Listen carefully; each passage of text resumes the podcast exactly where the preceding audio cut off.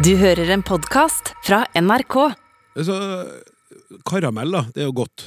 Men det har fått nye betydninger i, i ordboka. Ja, en kan jo f.eks. få seg en eh, skikkelig karamell rett i fleisen. Ja. Og så kan man nesten få det motsatte òg. Karamell kan også være en påskjønnelse for noe du har gjort. Ah. En kan suge på karamellen.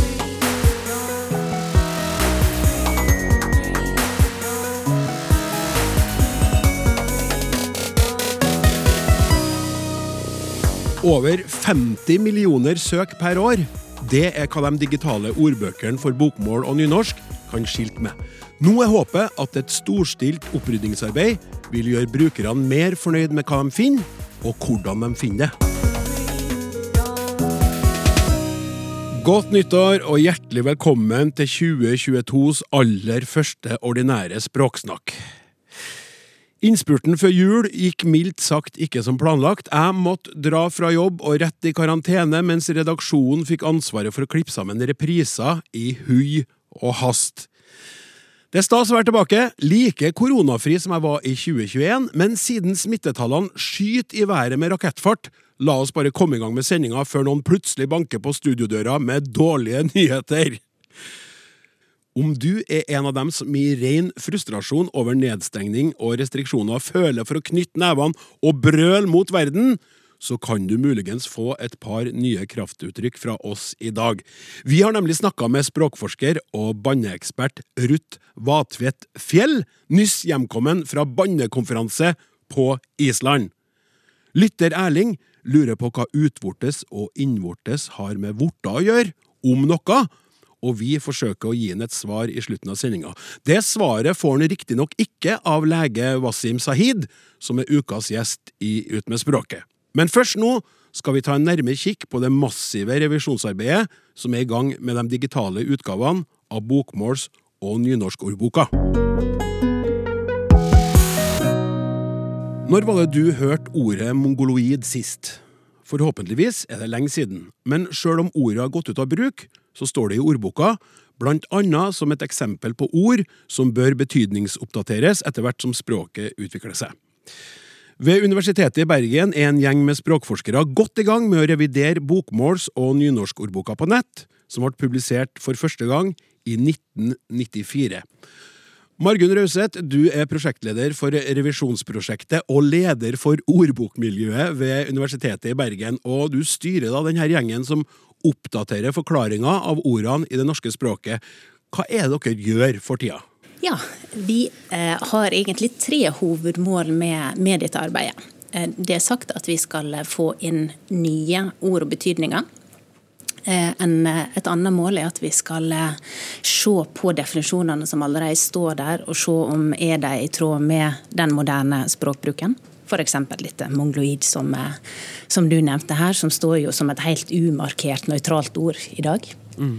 Eh, og vi skal, vi skal, gjøre innholdet i bokmålsboka og nynorskboka likere. Eh, og det handler om at De ble jo utvikla som to separate ressurser. De ble først trykte som, som ordbøker i 1986. Og så, så lenge de nå eh, blir brukt på nett, og de kommer opp ved siden av hverandre på, på skjermen for eh, de aller, aller fleste, så eh, blir innholdet i dem veldig ofte sammenlikna. Og hvis et ord bare finnes i den ene ordboka, så blir det veldig ofte tolka som et forbud mot å bruke ordet i, den, i det andre skriftspråket. Så vi hadde f.eks. en bruker som hadde funnet forkortinga DY i, eh, i nynorskboka og lurte på om det virkelig var sånn at en ikke kunne bruke DI for den yngre i bokmål. Eh, sånn at uh, Nynorskboka er per i dag en god del større enn bokmålsboka, sånn at målet er at de skal da bli likere både i, i innhold og i, i antall oppslagsord. Ja. Da har du egentlig svart på mitt neste spørsmål, da. I hvert fall delvis. Hvorfor er det viktig å oppdatere de her ordbøkene? Ja, det ligger i sakens natur at ordbøker som først kom i 1986, de er eh, får vi mange tilbakemeldinger fra brukerne er gode. Brukerne våre er stort sett veldig fornøyd med ordbøkene, men det er òg veldig veldig mange artikler der eh, ting skurrer. Det er ikke sånn vi bruker disse ordene lenger. Eh, noen av dem har endra valør. Um, Jeg så eh, f.eks. et ord som, eh, som halvmåne. Eh, og der vi har eh, den røde halvmånen som eh, en såkalt underartikkel, et fast uttrykk, som er forklart med navn på organisasjonen i muhammedanske land. Altså Det er jo ikke noe galt med det, det er bare ikke det, vi, det ordet vi bruker lenger. Der vil vi jo komme til å erstatte det med i muslimske land. Ja. Det har jo kommet til mange nye ord òg, siden eh, 80-tallet. Hva skal til for at et nytt ord skal komme inn i ordboka? Vi har et sett med kriterium som vi, som vi følger. Eh, og da eh, er ikke det nok at et ord er veldig poppis akkurat her og nå. Vi kunne jo fylt opp hele ordbøkene våre med koronaord om vi hadde hatt lyst til det. Men det gir vi jo ikke Det gir ikke mening. Eh, Så vi har faktisk relativt få nye sammensetninger med korona. Eh, Men eh, det krever at et ord er brukt over tid. Ja. Eh, og det krever at det ikke bare én person eller en liten gruppe med brukere som bruker det, men det må, våre ordbøker skal dokumentere allmennspråket. Det er ikke en dokumentasjonsordbøker som skal fange absolutt alt av språkbruk, men vi skal prøve å fange kjernen i moderne norsk, som vi har ja, definert til de siste 50 år. Mm. Tekster etter 1970 er liksom kjeldegrunnlaget vårt. ja. En redaktør eh, fant et ord på A som eh, hun tenkte at ok, ja, men her var det faktisk en god del kjelder. Ja, nei, tror, hun trodde hun hadde funnet et nytt medisinsk eh, uttrykk som burde, burde inn i ordboka, fordi det så ut til å være brukt så mye i, i avistekster. Og det ordet er aortastenose. Eh, Det eh, var en god del treff på. eh, Nok til at eh, redaktøren i utgangspunktet tenkte at hm, dette her ser ut som en fagterm som vi bør ha inn i våre allmennordbøker. For det, det er et kriterium at det ikke bare er én person eller ett miljø som skal bruke ordet. Det må være en del av språket som en kan finne i flere sjangre og flere grupperinger som, som bruker. Em, problemet er at eh, hun eh, begynte å kikke litt på hva slags årstall disse kjeldene var ifra, og da var nesten alle fra 2005. Eh, veldig mange var knytta til pressemeldinger fra Slottet. Og det viser seg at dette her er knyttet til hjerteproblemer, som kong Harald hadde i 2005. Eh, Ah, og det husker jeg- det jeg. Ikke sant? Og det, etter den tid så har ikke vi snakka så veldig mye om det, og holdt på å si utenfor den medisinske sfæren. Så derfor ble vurderinga i det tilfellet at vi ikke tok det inn. Men de her vurderingene som du nevner nå, hvem er det som bestemmer hvilke ord som skal endres og tas inn osv.? Bokmålsboka og nynorskboka har to eiere.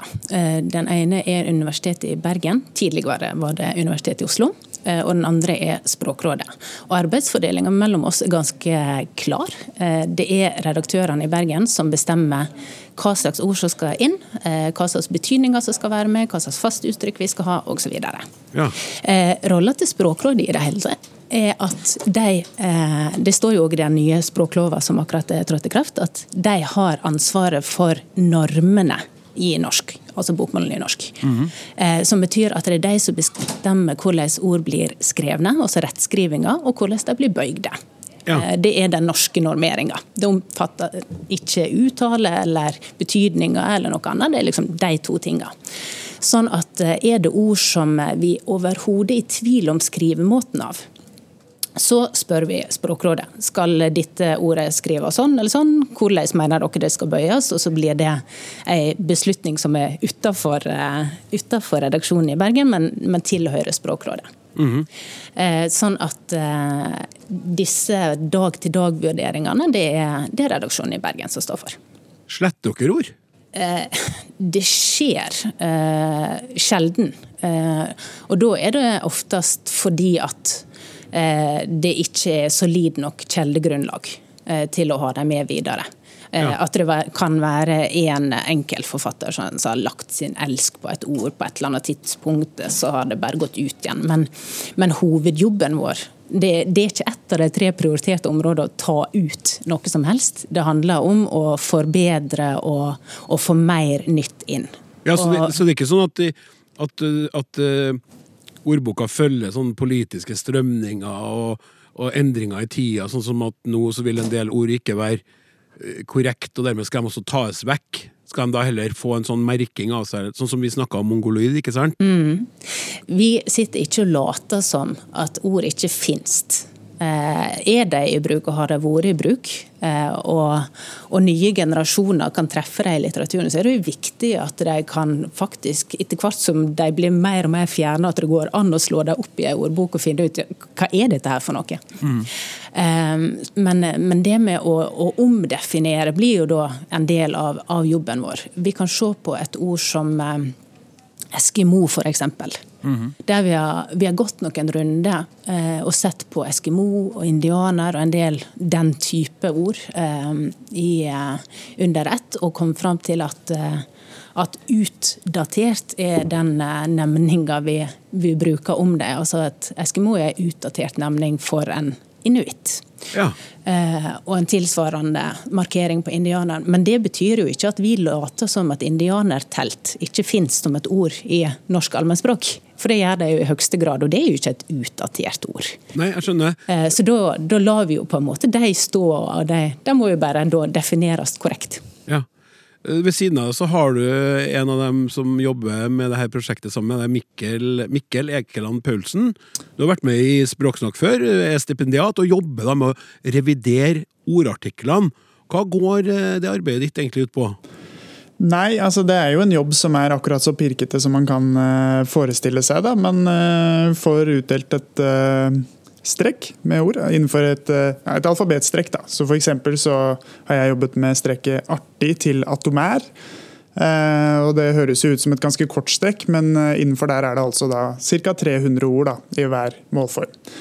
Og så er det rett og slett å gå skrittvis gjennom de ordene eh, som faller innenfor det strekket, og se på definisjonene og se om de stemmer, og så oppdatere de hvis de trenger en oppdatering. Og så også dette som Margunn har nevnt, med å utjevne mellom eh, bokmål og nynorsk. Eh, og så er det heldigvis noen eh, mer erfarne medarbeidere enn meg som eh, får lov til å lese gjennom det manuset man da har produsert, og komme med tilbakemeldinger og oppdage sånne små feil, både små og større feil, da, egentlig.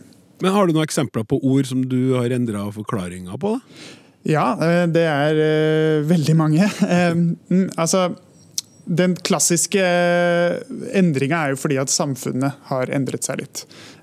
For så er jo datateknologi litt mer prominent nå enn det var på 80-tallet. Så f.eks. ordet fil trengte jo å få en betydning som var datafil, for den lå ikke inne fra før. Mm.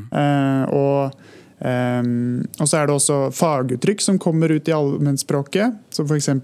ordet assimilasjon, som for øvrig er et faguttrykk i de fleste fag, eh, fikk jeg oppdage. Men eh, den samfunnsvitenskapelige betydninga at eh, det, folkegrupper eller ulike, folk fra ulike kulturer blir likere hverandre, altså de assimileres inn i et samfunn, den betydninga var ikke der. da, Så den måtte jeg legge til på både assimilasjon og assimilere. da.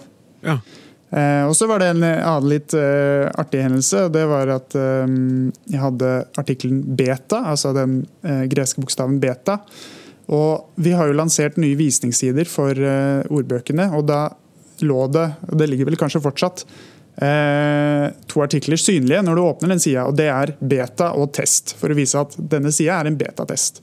Og da blir det veldig åpenbart når det i artikkelen beta ikke er en definisjon betatest. Altså når det, denne betydningen av beta ikke fantes i den artikkelen, bare den greske bokstaven. Så det var jo også noe som da åpenbart måtte legges inn. Det så jeg på at det sto på sida, og jeg begynte å lure på om det ikke gikk an å si beta på nynorsk. Å ja. For Det sto beta på bokmål, og så sto det test på nynorsk, og så tenkte jeg sånn, oi, det der, er det sånn? Godt Ja. eksempel på feiltolking av ordboka.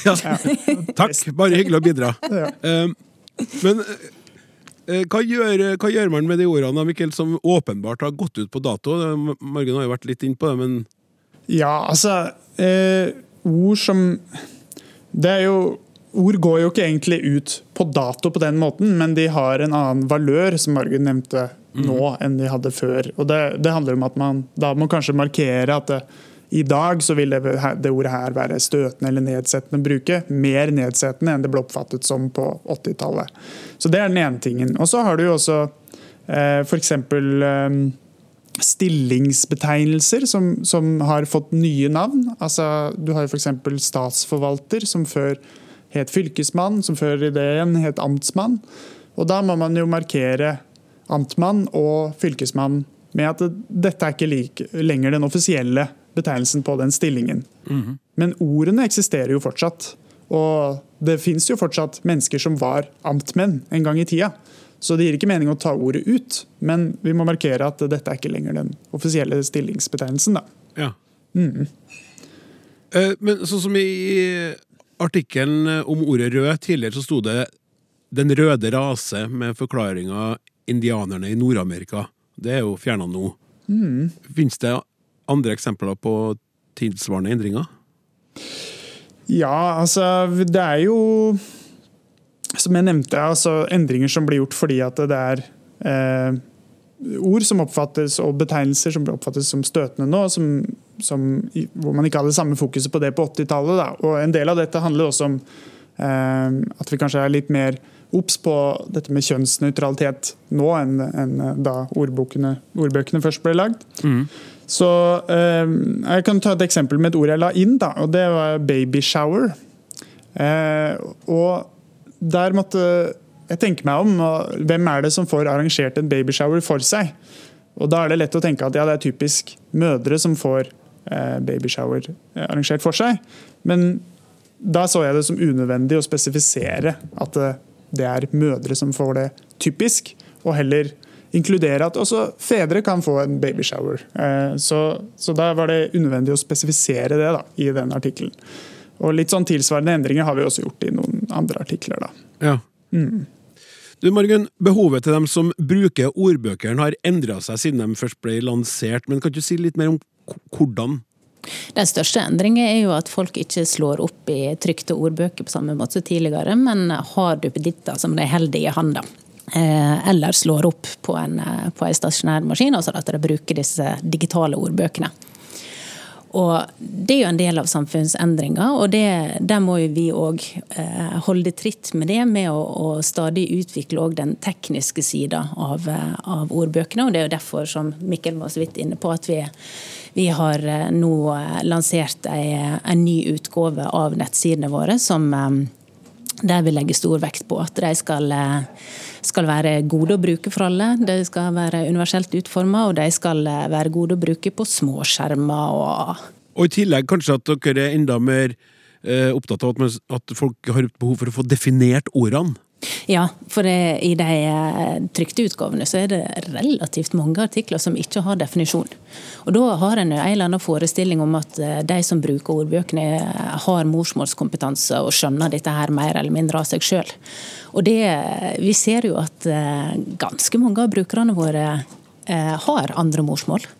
Vi har en liten oppsprettsundersøkelse på den gamle hjemmesida vår, og de som har svar på den, det er ca. 20% som oppgir å ha andre morsmål enn norsk. Så det er en viktig brukergruppe for oss. Folk Ja. som studerer uten, i utlandet, altså norsk i utlandet, eller er i Norge og lærer tilegner seg norsk. Sånn at de, de må vi ha i tankene, og vi må, vi må legge mer flid i definisjonene våre, og tenke òg at vi skal, skal gi de gode og presise definisjoner. Ja. Og det er jo et enormt arbeid dere er i gang med. Eh, Hvordan ligger dere egentlig an nå? Hvor, er dere i løypa? Vi er mm, nærmer oss slutten av L, så snart begynner vi på M, og da kan vi si at vi er midt i alfabetet. Ja, eh, eh, Mikkel, du, du har jo vært eh, her i Språksnakk, og og prata vi så vidt om det prosjektet som du er knytta til. Og da eh, sa du at bokstaven S kom til å by på en del arbeid, for der, der stopper eh, Ikke at det stopper opp, men der er det mye, mye å ta tak i. Ja, altså den er, det er jo den bokstaven som har flest ord da, i norsk. Og jeg har aldri gjennomlevd en, eh, en S i, i revisjonssammenheng, men, eh, men jeg har eh, kolleger som sier at du er ikke leksikograf før du har vært gjennom en S. I så fall er det ganske mange leksikografer som ikke er leksikografer, For den stående vitsen er jo at de dør i løpet av S. Ja, det var ikke bare en stående vits, men det var også en strålende vits. Um, altså, jeg kan jo forklare hvorfor det er så mange ord på S. Da, og Det handler jo om stavelsesstruktur i norsk. at S kan? Du, kan, du kan ha det som eh, en konsonant med vokal etter, som i sola. Eller du kan ha eh, ST altså med en konsonant etter, som i store. Eller du kan ha to konsonanter etter en S, som i eh, strø, f.eks. Så det er, det det, da blir det veldig mange ord som eh, går inn under den bokstaven. ja. Eh, ja, nei, det, det, altså det, det, det her er spennende, eh, må jeg si. Det syns vel dere òg. Tusen takk skal dere ha, og lykke til videre med arbeidet. Margunn Rauseth, som er da leder av ordbokmiljøet på, på, ved Universitetet i Bergen. Og så Mikkel Ekeland Paulsen, som jobber som bare det med å komme gjennom det hele, eh, som en i staben. Men Mikkel, du skal uh, få lov til å svare på et uh, spørsmål helt uh, mot slutten av sendinga, som er knytta til bokstaven V, som dere ikke er i nærheten av å ha kommet til ennå. Tusen takk skal dere ha, begge to. Språksnakk med Klaus Sonstad. I den siste sendinga før nyttår så hadde jeg tenkt å se litt tilbake på det første språksnakkåret. Sånn ble det jo ikke. Og nå er det for seint. Det er ikke noe tid til mimring nå, føler jeg. Men jeg ønsker likevel å spørre deg, kjære lytter, om det er noe du har på hjertet angående det her programmet. Er det noe tema du savner? Hva liker du best med språksnakk? Hva syns du kan forbedres? Er det noe vi har snakka om som du gjerne vil vi skal følge opp? Har du forslag til gjester til Ut med språket? Vet du om en sak som hadde passa perfekt for oss? I så fall må du ikke nøle med å gi oss beskjed. Snakk krøllalfa nrk.no er adressen. Hva du mener betyr mye for oss. Snakk krøllalfa nrk.no. Og da er det på tide med litt bannskap.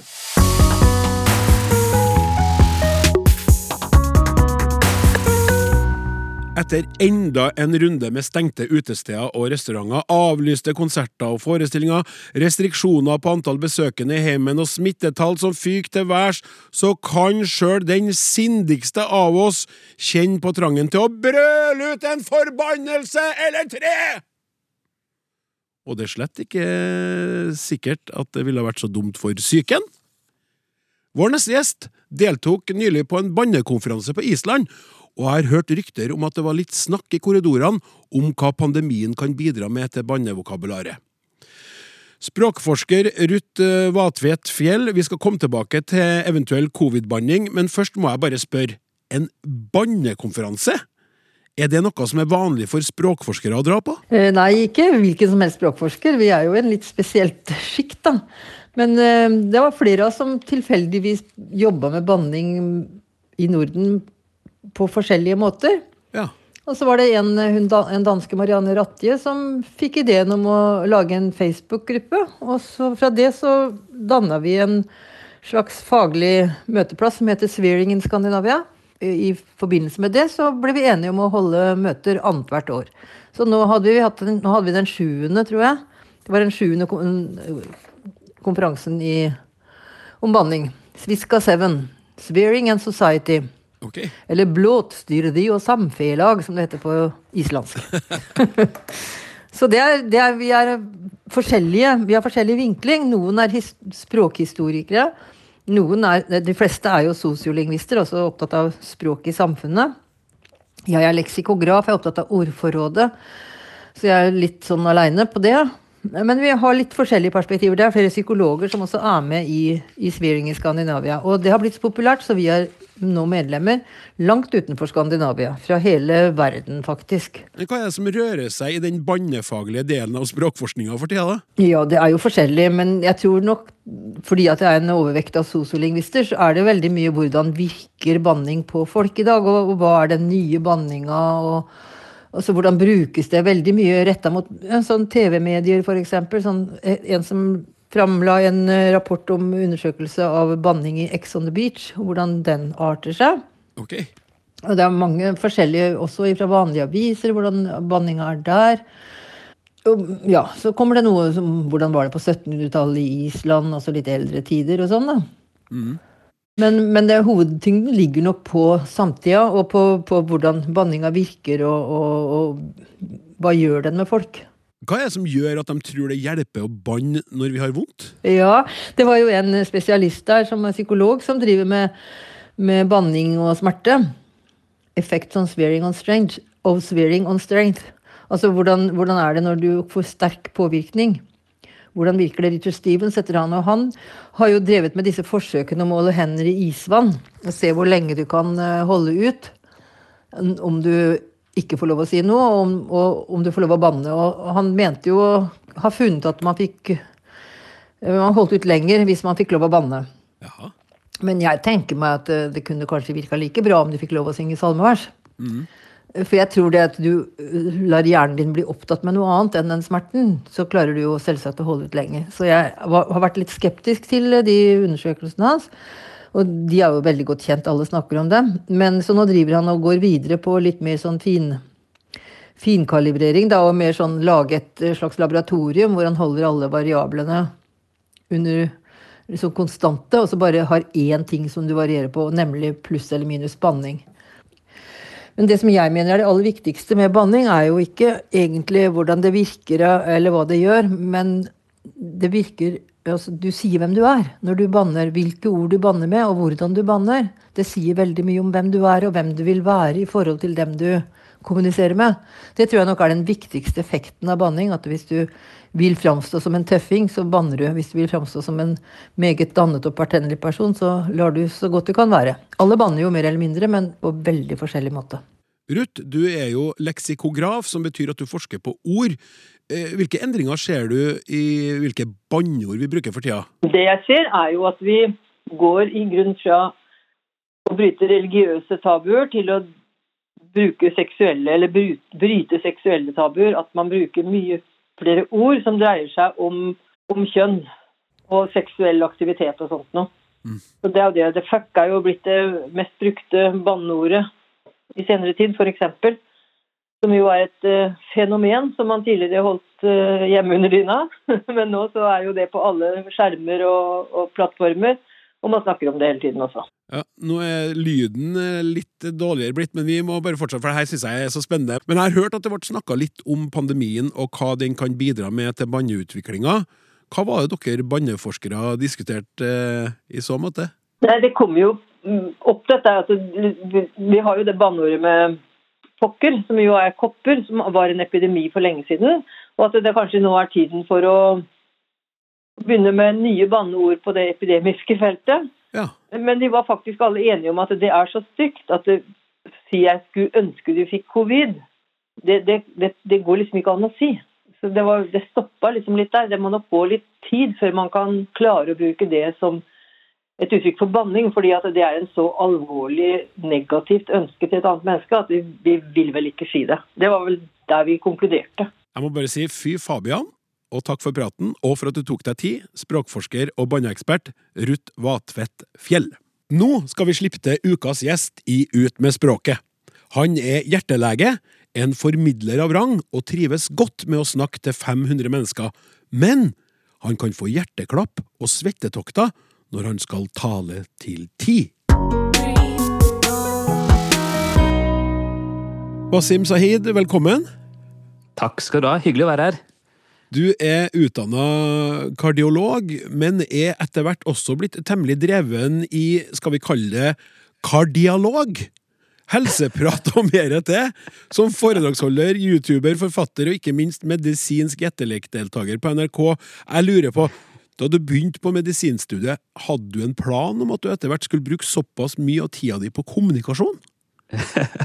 Overhodet ikke. For det første må jeg si at du er utrolig bra ordspill. Kardialog, det skal jeg bruke heretter. Vær så god. takk, takk. Nei, jeg hadde ikke det. Eh, Da jeg studerte medisin, og, og så var egentlig planen å jobbe eh, som lege. Det gjør jeg for så vidt også. Eh, Det er mange som tror at jeg er på en måte TV-legen eller nettlegen eller hva, men jeg jobber faktisk 100% som kardiolog, da, eller hjertespesialist, på Drammen sykehus. Eh, Og det er det jeg gjør heltid, og alt det andre er på sida, egentlig. Ja. Så da har du jo ikke familie Jo, jo, vent litt! Du har jo familie, og du har fire barn, og du har rett og slett Har, du, har, har døgnet ditt flere timer enn oss andre. Nei, det er nok ikke det. Men eh, jeg har mange gode hjelpere. da. Altså, jeg har eh, kone og, som er veldig snill, og, og jeg har eh, barn som er forståelsesfulle. Og, og så eh, prøver jeg selvfølgelig å prioritere familien mest mulig i tillegg til disse tingene her. da. Ja. Så det er klart, ja det er mye å gjøre, men det er gøy, og det er engasjerende, og da holder man jo på. Ja. Eh, Vi skal snakke eh, naturlig nok en del om språk her, eh, av du nå i denne lille spalten ut med språket. Og jeg har lyst til å begynne med det faktum at du er født og oppvokst i Norge, men ikke snakka norsk da du begynte på skolen? Det stemmer, fordi foreldrene mine de hadde en plan. Altså De innvandret jo til Norge som arbeidsinnvandrere på begynnelsen av 70-tallet. Og de hadde en plan om å tjene noen penger eh, i løpet av noen år, og så reise tilbake til Pakistan og bygge livene sine der. Men så, eh, og, da, og da hadde ikke de tenkt at vi skulle i barnehage og sånt og, og, og gå på skole her. Vi skulle gå på skole i Pakistan, var planen. Men så gikk det tid, og de fikk sikkert ikke spart så mye penger som de trodde, og så var det på en måte plutselig skolestartstid for oss, så da eh, måtte vi bare starte, da. Og kunne da hadde lært urdu hjemme, som er det pakistanske språket, og kunne litt engelsk, som foreldrene våre også hadde lært oss, men egentlig nesten ikke noe norsk. Nei. Eh, Så det begynte med at jeg ble plassert i en sånn eh, spesialklasse. Og det første året så var det kun norskopplæring eh, som jeg fikk sammen med en del andre elever i samme situasjon. Og så, i andre klasse, så kom jeg inn i min ordinære klasse. Og det husker jeg at det var litt sånn det, det var litt vanskelig, fordi da hadde på en måte de, de sosiale grupperingene i gruppa, i klassen, allerede satt seg. Det var som allerede dannet seg ulike klikker. Og det å få innpass da, det var ikke lett. Og jeg følte egentlig at jeg slet egentlig med å komme noe særlig i kontakt med de andre eh, gjennom hele barneskolen, egentlig. Du det? Så ja, så, så sånn ble det. Det var eh, prisen jeg måtte betale for å kunne et ekstra språk, da. Det var jo gevinsten. Ja, altså Du hadde jo da to språk inn da du begynte. Hadde det betydning, tror du, for hvordan du greide å tilegne deg norsken? At du allerede var tospråklig?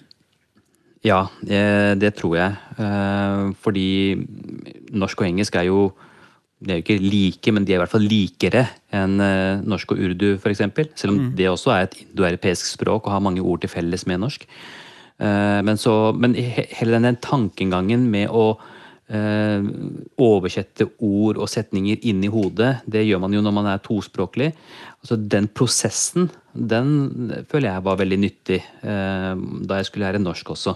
Så jeg hadde måte det inne, da, det med å måte tenke i litt forskjellige språk. Eh, og bygge opp setninger i forskjellige språk. Jeg hadde den tankegangen inne allerede. Ja.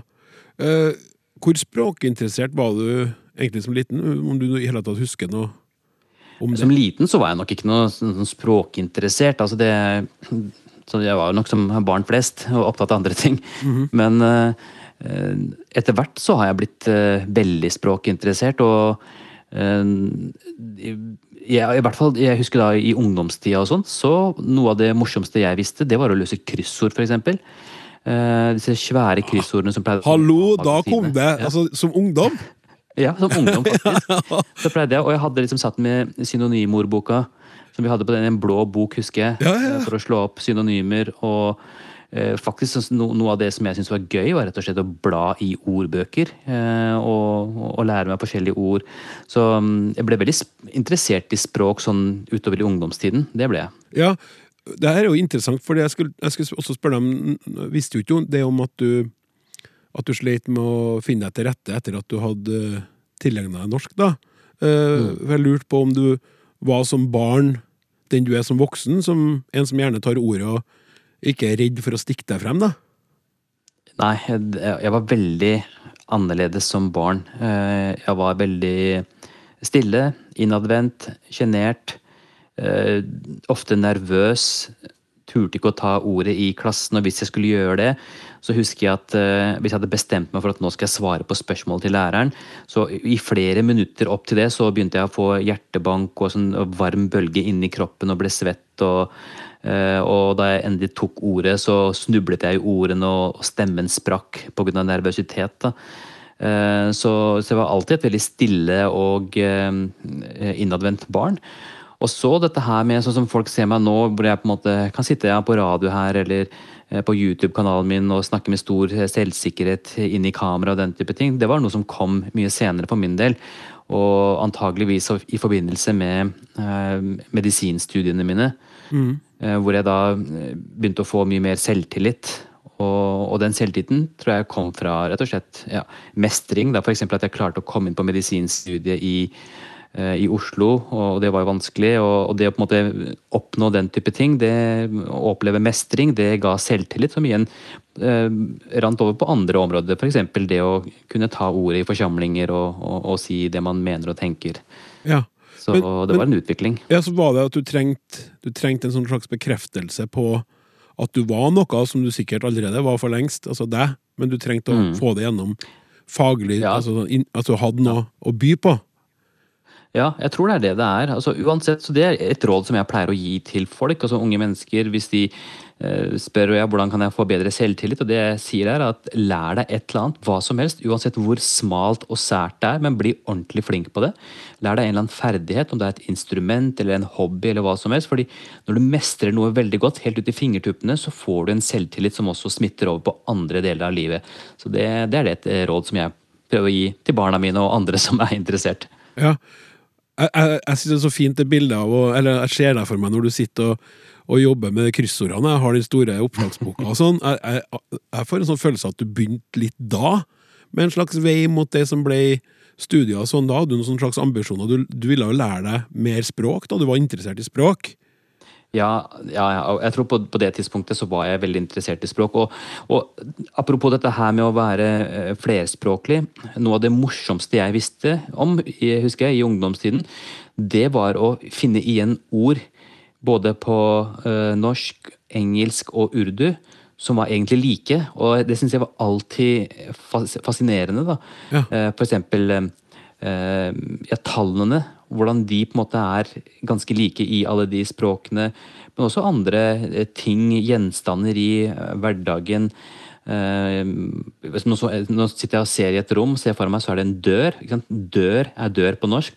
Det er door på engelsk. Så er det darwaza, eller bare dar, i, på urdu. Så jeg syns det var alltid så morsomt å oppdage hvordan så mange av ordene eh, gikk igjen da, i språk som snakkes eh, på helt andre steder av kloden. Så, så det har jeg alltid vært veldig interessert og, og fascinert over. Ja. Og det har jo også leda til tre bøker, som du har skrevet til nå. Ja. Alle med et eh, faglig fokus. Var det med hjerte for hjerte som var siste boka? ja. Foreløpig? Det er foreløpig siste, ja. Så Ja, ja. det er, det er jo en lidelse å skrive bøker, da. ja, ja, ja, jeg, jeg antar det når jeg hører hvordan du din opptatthet av språk, så er det sikkert både å få fram det faglige, men samtidig lurer jeg på hvordan du jobber med språket i tekstene dine for å nå et, et bredere utvalg lesere, da? Når du skriver fagstoff. Jeg er veldig bevisst på hva slags språk jeg bruker. Eh, fordi noe av det som jeg driver mest med, det er jo formidling av fag. Enten det er i bøker eller på, eh, i aviser eller sosiale medier eller radio og TV. Så da er jeg veldig opptatt av at når jeg formidler, så er hele poenget at informasjonen fra meg skal nå en annen person, og den personen skal da ta til seg informasjonen, forstå den, og i neste instans kunne nyttiggjøre seg av den for å forbedre livet sitt på en eller annen måte, f.eks. Mm. Og da er det helt avgjørende at den informasjonen som jeg formidler, er av en slik art at den kan forstås av hvem som helst. Og det er på en måte mottoet mitt. At jeg mener at ingenting er så komplisert at ikke hvem som helst kan forstå det dersom det forklares på riktig måte. Så jeg er veldig opptatt av å hva skal jeg si, forenkle, men ikke fordumme. For det må man passe seg for. Man må ikke forenkle det slik at, eh, slik at leseren nesten føler seg dum. Så, men du må forenkle på en sånn måte at, at det skaper en større og dypere forståelse hos mottakeren. Så det er noe jeg tenker veldig mye over når jeg skriver, når jeg snakker, eh, når jeg lager videoer på YouTube. Så akkurat den, der, den delen av den språklige kommunikasjonen er jeg veldig opptatt av. Ja, så forenklinga samtidig som du kanskje prøver å ta vare på et interessant språk. Altså at, det, Ja. at du ikke Ja, altså hvordan du varierer språket mens du skriver på en forståelig Ja. måte. Ja, øh, øh, og det er også noe som jeg tenker på, er å øh, bruke triks og elementer i språket når jeg skriver, som, som på en måte spriter opp språket litt også. Sånne enkle ting som bokstavrim eller forskjellige ord som betyr helt ulikt, men eh, som er helt like. Da, eh, en, en åre, som i en blodåre, eller en åre i, eh, som i en åre som man bruker for å, for å ro. Eh, I kombinasjon med f.eks. årenes løp, som blir noe helt den tredje tingen. Som bare for å, Jeg prøver å ha den type ting også i språket, da, for, å, for å pirre leseren, for å vekke leseren litt sånn underveis. Eh, for å på en måte holde på interessen. Ja. Du, i dag så snakker du fire språk, sier du sjøl på YouTube-kanalen din. Engelsk, norsk nei, Vi begynner med norsk, tror jeg. Norsk, engelsk, urdu, punjabi, og så litt fransk. Ja. Eh, og samtidig, i jobben din på Drammen sykehus, så møter du jo eh, mennesker som lever i Norge, men som både strever med å gjøre seg forstått og å forstå. ja. Og det her kan jo, kan jo få, og får, alvorlige konsekvenser. Mm. Hvordan opplever det, du som har uh, har tilegna deg både norsk og andre språk og er i stand til å kommunisere og forstå, og, og så opplever du det i møte med de, pasienter? Ja, det er faktisk uh, mest av alt vondt å se på. Fordi jeg bare tenker på Når du er syk, så er du sårbar. Du er redd. Så allerede så er du ganske nedtrykt. Og så da i tillegg ha den usikkerheten hvor du ikke er i stand til å kunne formidle ordentlig hva som plager deg, hvilke symptomer du har, hvor du har vondt, eh, hva som er da sykdommen din. Det å, det å være usikker på om legen har forstått det du har ønsket å formidle, og dermed i det hele tatt klart å stille riktig diagnose eller gi riktig behandling. Altså den frykten og den usikkerheten som en del pasienter må kjenne på.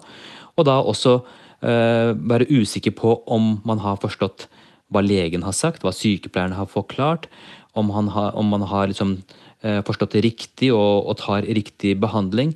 Uh, og jeg tenker at det må være kjempevondt, spesielt når man da er i en sånn sårbar situasjon hvor man er redd og er alvorlig syk og uh, mer enn noe annet i en sånn situasjon trenger sikkerhet og trygghet, ikke uvisshet og utrygghet. Uh, altså det er veldig vondt å se på. Eh, så derfor så er det kjempeviktig at vi eh, altså Det viktigste er jo at folk eh, blir flinke til å snakke norsk, og er flinke nok til at de kan kommunisere i den type situasjoner. Men eh, også at eh, vi i helsetjenesten har gode tolketjenester.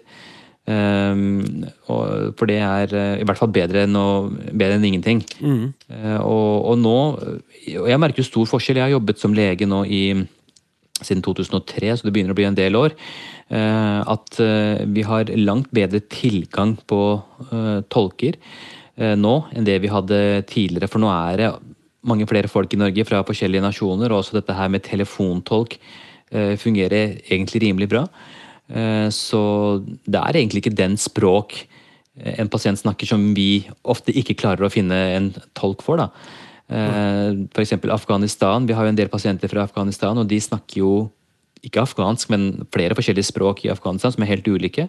Men heldigvis så klarer vi faktisk å få tak i i hvert fall telefontolk som kan eh, beherske de forskjellige språkene. Så, så det hjelper. Ja. Og så har du en YouTube-kanal eh, der du snakker norsk, og så har du også en YouTube-kanal der du annet snakker urdu. Mm, Der du, der du har eh, informert om koronasituasjonen. Ja. Eh, blant annet, hvordan er den blitt mottatt, da? Den er blitt mottatt veldig godt. Ja. Um, Jeg har eh, Fordi det er, det er faktisk fortsatt en del folk som eh, og det er litt dumt, som på en måte har bodd i Norge i mange år, men som fortsatt ikke behersker norsk godt nok til å forstå eh, informasjonen fra eh, myndighetene. Som for øvrig heller ikke er veldig tilgjengelig, må jeg si. Eh, jeg selv har jo som er lege og, og er liksom godt integrert i det norske samfunnet og kan det norske språket. Når jeg skal eh, finne de siste, mest oppdaterte retningslinjene på hva som er karantene og hvem som skal og når og sånne ting, så er det ikke lett. For du kommer inn på en side til Helsedirektoratet for å finne ut det du skal, så plutselig så får du en link til FHI, og så må du gå dit, og så må du lete deg frem der. Så Jeg skriver er lett enig i lufta altså. foran meg nå med store bokstaver. jeg er så enig med Det er helt forferdelig. Og da kan man jo bare Nei, tenke da seg jeg da, da tenkte jeg vi får prøve å lage litt informasjon som er litt mer eh, tilgjengelig. da. Og det var, fikk en del tilbakemelding på at det var spesielt eldre eh, med norsk-pakistansk bakgrunn som satte veldig stor pris på det. Ja, eh, Hvilken forskjell, om noen, er det på måten du snakker på, og hvilke ord du bruker osv. på den norske YouTube-kanalen og urdu-kanalen? Er, er, er du to forskjellige YouTube-programledere der? Ja, du, det, er, det er et veldig godt spørsmål. Fordi jeg, eh, jeg prater på veldig forskjellige måter når jeg prater urdu, eh, enn om jeg prater norsk. Fordi det som er urdu, da, som er det offisielle pakistanske språket, det er et svært formelt språk. Det er veldig det er et helt annet nivå av høflighet og, og respekt i språket. Uh, og man skal liksom ikke være Man skal ikke bruke slang, man skal ikke være veldig muntlig. Så når man snakker på urdu, så er det på en måte Ja, formuleringen er annerledes. Jeg sier f.eks. aldri du. For eksempel, jeg kan sitte på den norske YouTube-kanalen min så sier jeg at når du har vondt i hodet, så kan det være sånn. Sånn kan jeg ikke si på den urdu-kanalen. Da må jeg bruke de, f.eks. ved tiltaleform. En høflig tiltaleform. Altså Når de har vondt i hodet, så bør de gjøre dette hvis du forstår hva jeg mener. Ja, ja, ja, Så det, er ganske stor forskjell eh, på, på måten å kommunisere på, på, de to språkene. Så interessant. Og da, da, må jeg jo eh, gå videre med å spørre deg, hva syns du, da du begynte med YouTube eh, prosjektet ditt, da, hva, var den største forskjellen på å snakke til kamera om de her tingene og det å holde et foredrag foran mennesker? For det er jo veldig annerledes. altså Nå gjør vi jo det veldig mange, vi sitter jo på Teams og sånn, men du som lager du, du, sitter jo i et studio alene, du rigger opp. Du har ikke noen som filmer deg, og sånn, du gjør det sjøl, ikke sant? Gjør alt selv, ja. ja du, er, du, er, helt alene? Ja. ja. Hvordan er det? Hvordan er det, er jo, altså det er jo litt rart at du sitter i et rom helt alene og snakker for deg selv. Så Hvis det ikke hadde vært et kamera der, så hadde jo folk trodd du kanskje ikke var helt ved dine fulle Diagnose! ikke sant? Så, men eh, du venner deg ganske raskt til det. Eh, men eh, det, det, hender jo. For eksempel så har jeg setter opp et kamera på kontoret mitt på jobben etter jobben og spiller inn noen videoer. Og så hender det at jeg midt i innspillingen så kommer en kollega inn i rommet. Og det er ikke og, og da er det ikke irriterende eh, å bli avbrutt, men det er bare så utrolig flaut at, at, noen kommer inn mens du sitter og snakker i et kamera. Eh, så det er, det er ganske rar eh, fortsatt, Selv om man blir vant til det, så er det ganske Man blir vant til å gjøre det alene, men det er ganske pinlig å gjøre det foran andre fortsatt. Ja. Er, er du helt kvitt, forresten, den her, eh, den her barndomsfølelsen, eller som du hadde som Er du, er du fri for frykt nå? Nei. I, uh, når du snakker der, til folk? Altså, selv om jeg nå kan, det er veldig rart. Jeg kan uh, holde foredrag for 500 mennesker og, og, ikke være nervøs for det. Men uh, fortsatt så kan det være sånn at uh, hvis jeg sitter i et møte med la oss si med 10-15 andre kollegaer eller leger eller sykepleiere, og så skal ta ordet og si et eller annet, så kan plutselig den der følelsen komme snikende tilbake med, med hjertebank og nervøsitet. Og, og når jeg begynner å snakke, så så snakker jeg så fort at SKJ-lydene mine blir litt rare, og jeg snubler i ordene mine. og Eh, så fortsatt så har jeg den delen eh, i meg i, i litt forskjellige situasjoner. Har det noe med å gjøre at du har kalt deg selv, altså du har kalt deg selv ambivert? Blanding av ekstrovert og introvert? Ja, og jeg tror det er sikkert noe som gjelder ganske mange. At alle vi har situasjoner hvor eh, vi eh, trives mer i enn i andre. Og, ja. og da vi også, er vi også mer utadvendte i enkelte situasjoner. Men så vi, møter vi situasjoner, og for meg så er det gjerne da litt mindre eh, forsamlinger. Mm. Og kanskje er det da fordi da føler man et mye tettere fokus, man sitter nærmere med de andre. Eh, og, og, alle på en måte hører på det du har å si, og, og at det er en situasjon som oppleves som nærmere.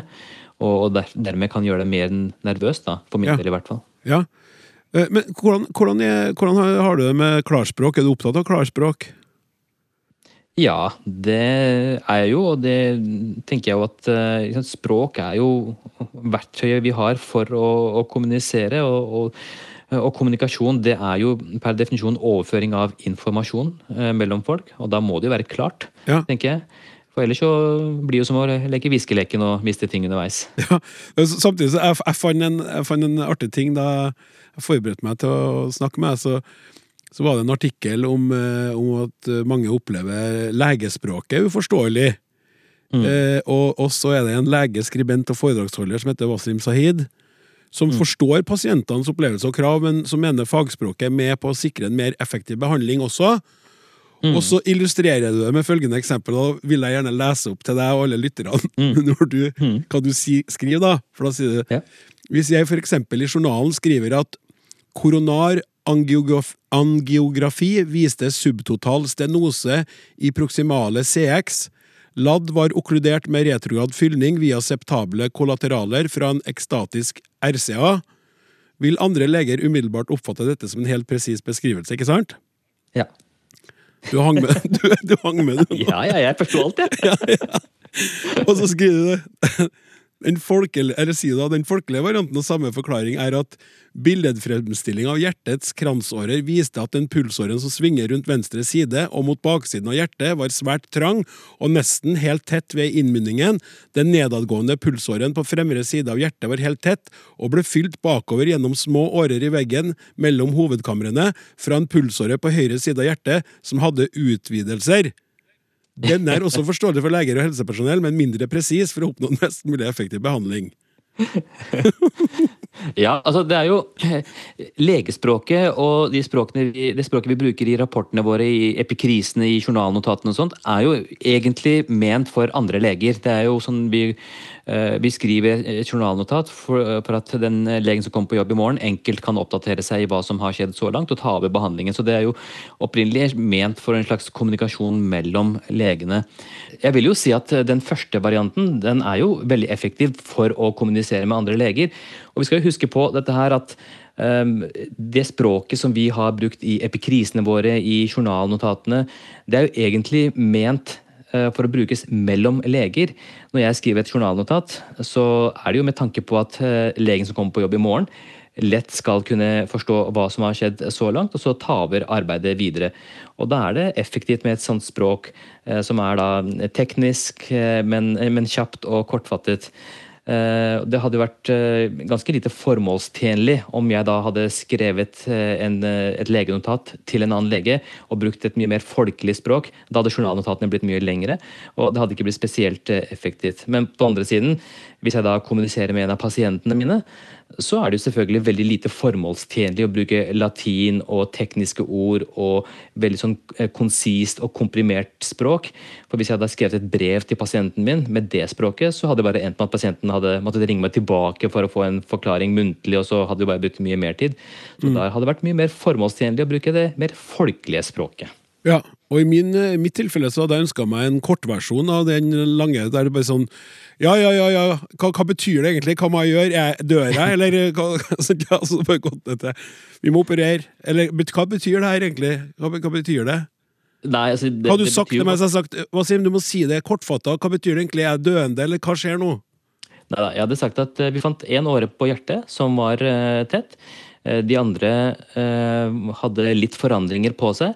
Men dette får vi nok behandlet og åpnet opp, og du skal kunne leve et helt normalt og godt liv videre. Oh, og så med den milde og gode stemmen. Takk, like før jeg sa takk for i dag. Ja. Men du har et spørsmål igjen, ja. som jeg må ha med. Ja. Wasim Sahid, ut med språket. Hva er ditt favorittord? Vet du, Det har jeg tenkt veldig mye på. Og jeg må si at uh, måten jeg tenkte på, da, det var at hvis alle ordene hadde blitt borte, og vi kun kunne hatt ett ord igjen og Hvis vi bruker den tankegangen for å kåre det viktigste ordet, så tenker jeg at det viktigste ordet må være ja. Uh, fordi det er det som på en måte hadde hvis vi kun hadde hatt ett ord, så hadde det vært det mest nyttige i kommunikasjonen mellom mennesker. Mm. Fordi det er, det er, et positivt ord. Uh, og, og liksom, du kan bruke det for å bekrefte noe. Du kan uh, bruke det for å vise enighet, velvilje. så det er et mye mer sånn oppbyggende ord. I motsetning til f.eks. nei hvis vi bare hadde hatt nei, da, så er det sånn at du sier nei til noe, men så kommer det ikke noe videre. Da har du måte, avvist et forslag, f.eks., for eller eh, avvist eh, en person som ønsker å ha kontakt, eller et eller annet sånt. Mens, eh, så jeg tror jeg kårer, i hvert fall nå, ja til det viktigste ordet. Ja.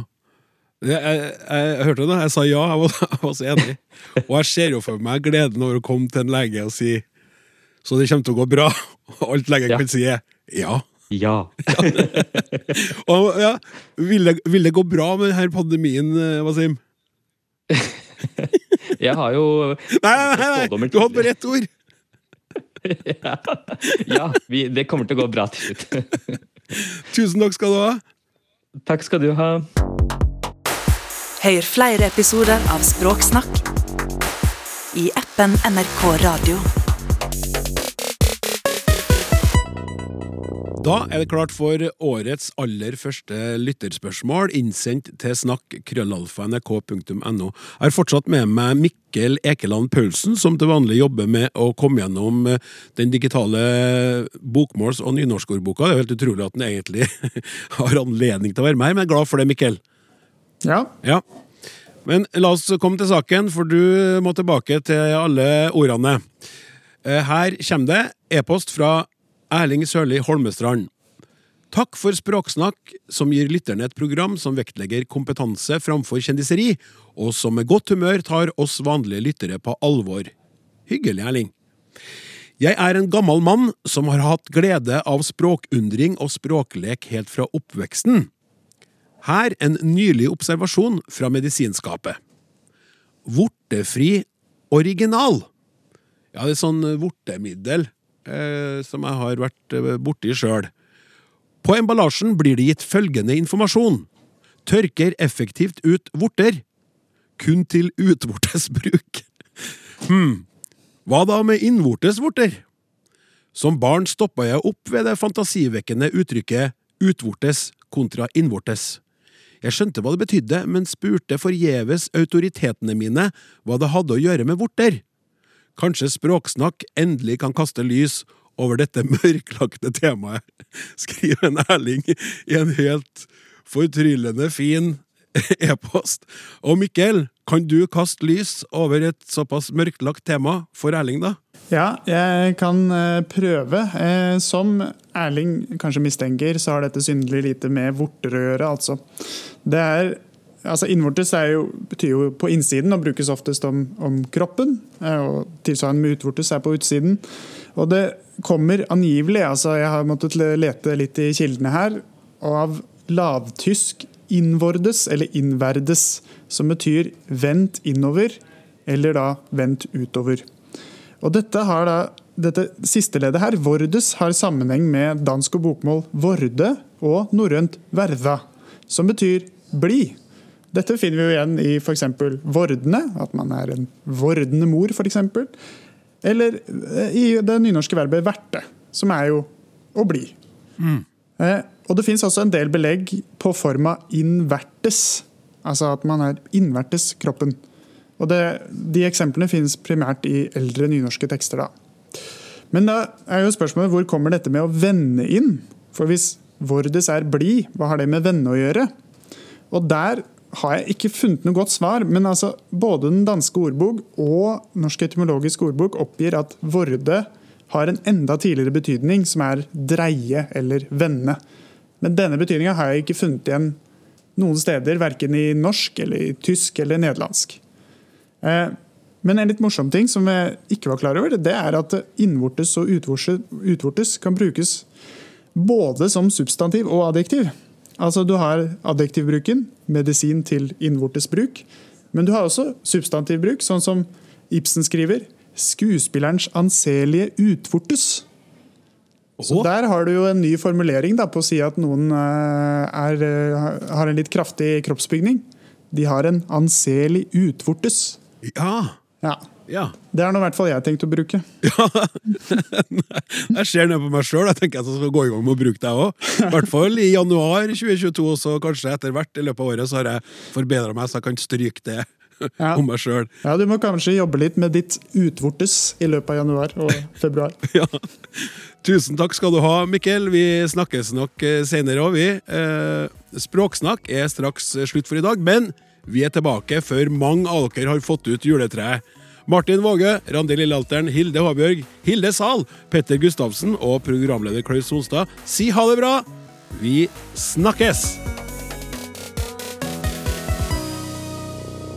Du har hørt en podkast fra NRK. De nyeste episodene hører du først i appen NRK Radio.